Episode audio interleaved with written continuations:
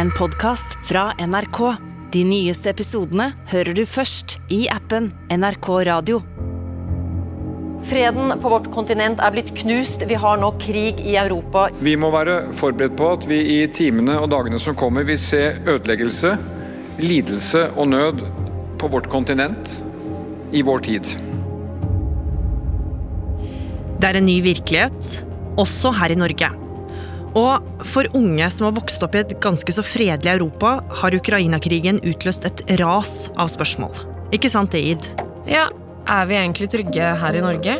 Kan det bli atomkrig? Og kan jeg egentlig leve som før? Det skal vi svare på. Du hører på Oppdatert. Jeg heter Gry Veiby. Id Skrivarhaug, du er 23 år gammel, du er student og har den siste tida hatt praksis hos oss i Oppdatert. Og så lenge du kan huske, har det vært fred i Europa. Men tidlig på morgenkvisten torsdag 24. februar så skulle det endre seg. Ja, Den morgenen her så sto det noe på telefonen som gjorde at jeg fikk helt sjokk og ble lys våken med en gang. Mm. For jeg lå jo i sengen, ganske trøtt og klein, eh, og så ser jeg at jeg har fått en mail fra sjefen min her i NRK. Og vent litt, skal jeg vise deg mailen? To sekunder. Mm. Ja, ikke sant. Hvis du ser her. Ja. Her står det jo Hei, det er igjen storkrig i Europa. Ja. Og der du våkna opp i pysjen, så representerer jo du mange unge i Norge som aldri har opplevd at det har vært krig så nært. Og nå skal vi gjøre det litt annerledes her i Oppdatert. Vi skal prøve å svare på alle de tingene du etter hvert begynte å lure på, Id. Men først, hva skjedde etter at du fikk den mailen? Eh, Jeg fikk eh, først og fremst ganske sjokk. Um, Så det første jeg gjorde, var jo selvfølgelig å kaste meg over telefonen, sjekket alt av nyheter, og så ringte jeg rett til bestevennen min. Og hun hadde ikke stått opp ennå, så jeg sa at eh, nå må du stå opp, og du må inn og sjekke nrk.no. Du, må- du må se hva som har skjedd. Um, og så sitter vi jo der da på telefonen, og jeg tror begge slet litt med å skjønne hva det var vi akkurat hadde sett, så vi satt litt og bare tenkte hva i all verden er det som skjer nå? Um, ingen av oss greide helt å forstå det, for vi har jo aldri opplevd krig før, og i hvert fall ikke krig i Europa. Så vi, vi spurte hverandre, men hallo, kan det bli en tredje verdenskrig nå? Så med denne frykten for at en verdenskrig snart var i gang, så gjorde du deg klar til å dra på jobb. Så du tok på deg jakka og gikk ut på gata. Og da reagerte jeg jo veldig på at alle menneskene ute så så vanlige ut. De så så lite påvirket ut av det som akkurat hadde skjedd. Og det reagerte jeg jo veldig på, fordi jeg tenkte jo at ingenting med dette her er jo vanlig. Og i dagene som fulgte, så ble nettavisene, TV-skjermene og Instagram proppa fulle av bilder og videoer fra krigen. Э, Сбор денег э, снова.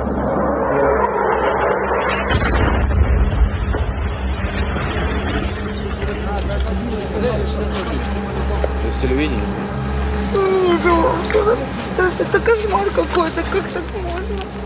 Verden fikk se russiske raketter treffe ukrainske byer. Folketomme gater fulle av bygningsrester og glasskår fra utblåste vinduer.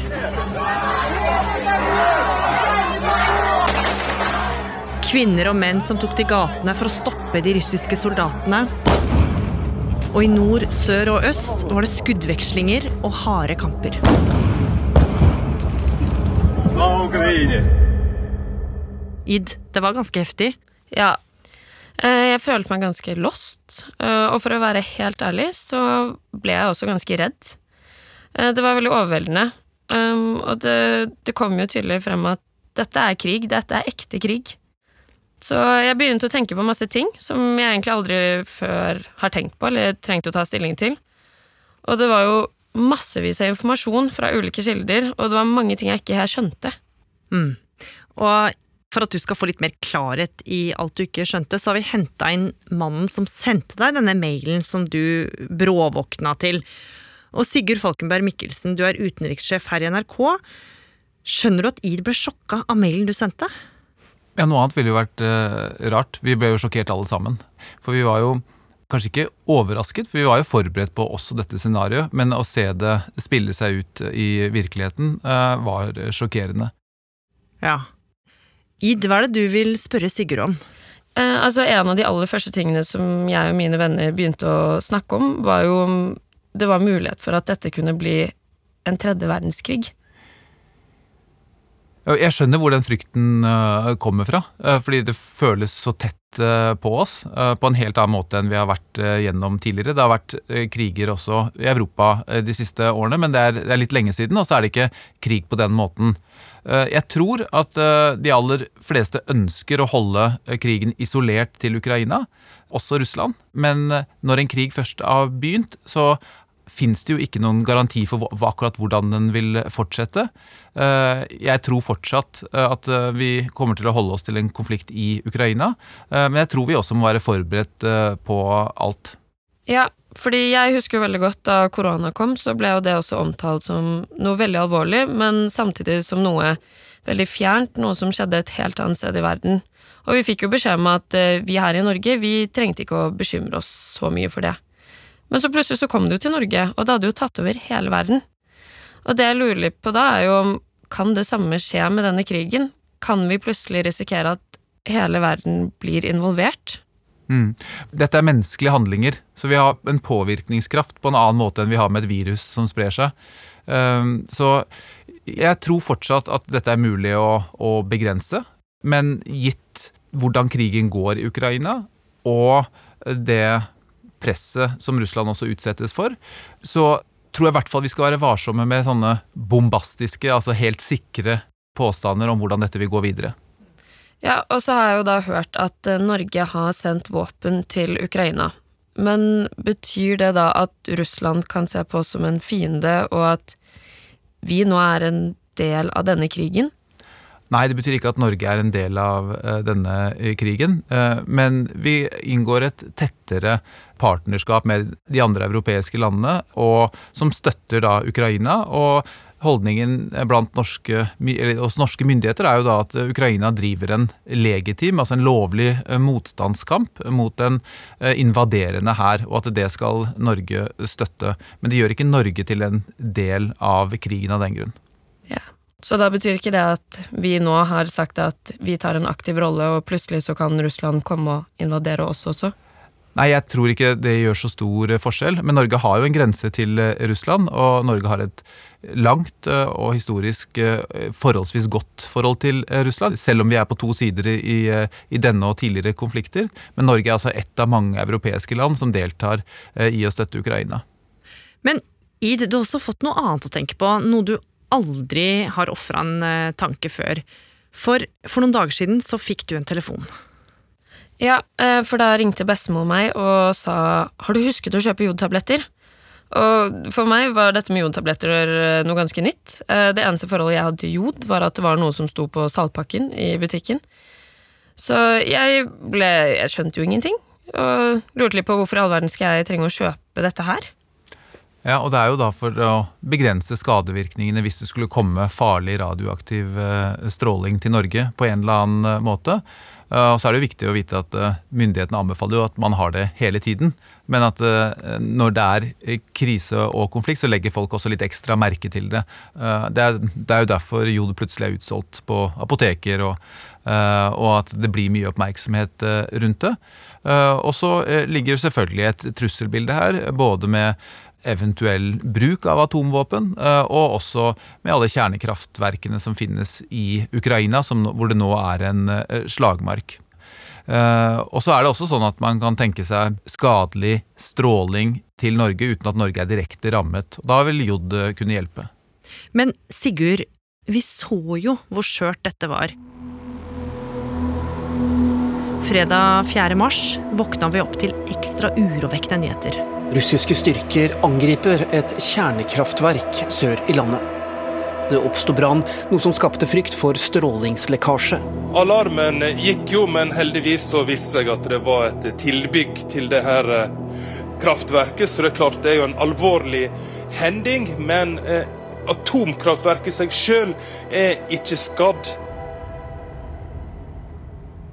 Og det viser jo hvor farlig denne konflikten og krigen er. Eh, men eh, tross alt, da, også oppi en krig, eh, så finnes det jo også fornuft. Og vi må jo håpe at, at partene bruker den. Ja, men Sigurd, når jeg leser at det har skjedd et angrep på et atomkraftverk, så blir jo jeg faktisk ganske redd. Og jeg blir jo veldig engstelig for at det skal skje en atomulykke, eller i aller verste fall at det skal bli en atomkrig. Ja, vi mennesker har en tendens til å, alt, å tenke veldig fort i sånne verst tenkelige scenarioer. Og det er sunt, for det beskytter oss også, for det gjør at vi tar eh, forholdsregler og, og tenker oss om. Eh, men det er fortsatt eh, ikke sånn at det må skje, eller at en krig i disse områdene nødvendigvis innebærer at vi får en, enten atomkrig eller en atomulykke. Men det var jo ikke bare det å ta stilling til jodtabletter, det var også flere ting du måtte tenke over på nytt, Id. Og det starta med noen helgeplaner. Ja, um, da skulle jeg møte venninnene mine, og vi skulle ha et lite vors, som vi ofte gjør i helgene.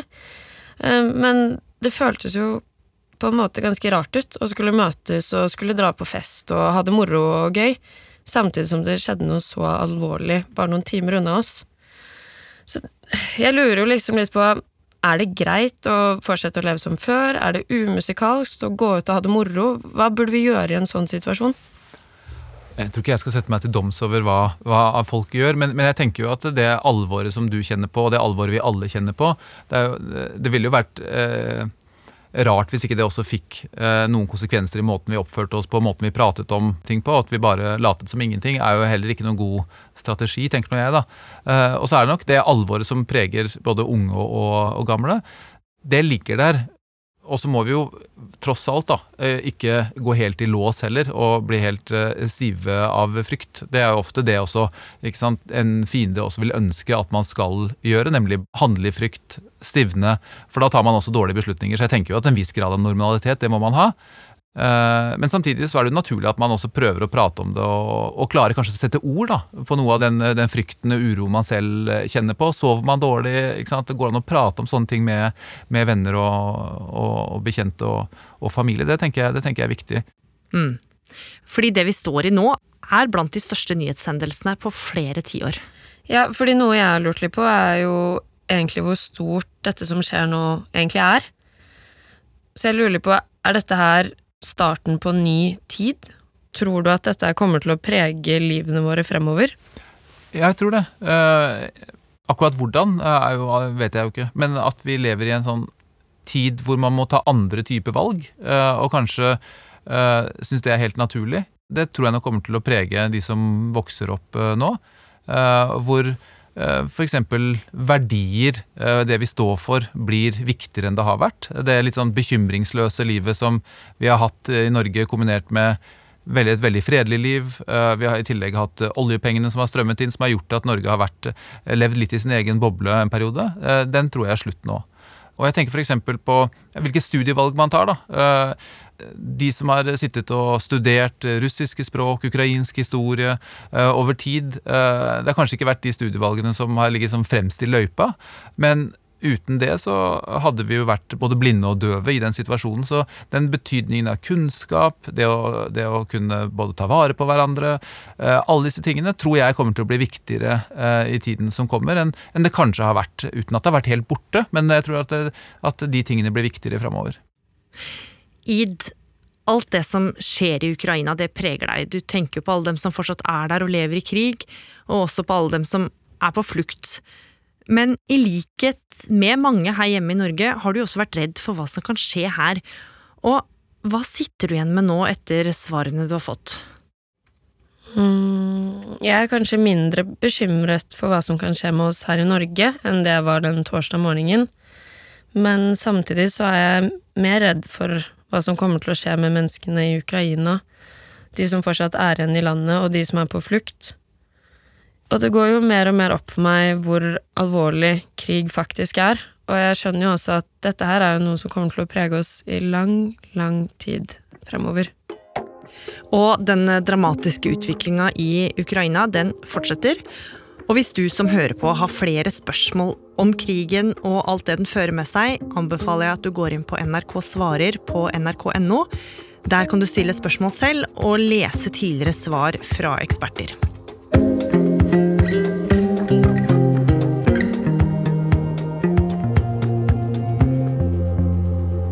Oppdatert er en podkast fra NRK Nyheter. Og denne episoden er laga av Martin Holvik, Pål Gauslo Sivertsen, Andreas Berge og meg, Gry Veiby. Programredaktør er Knut Magnus Berge. Har du spørsmål eller innspill, send oss gjerne en mail på oppdatert krøllalfa nrk.no.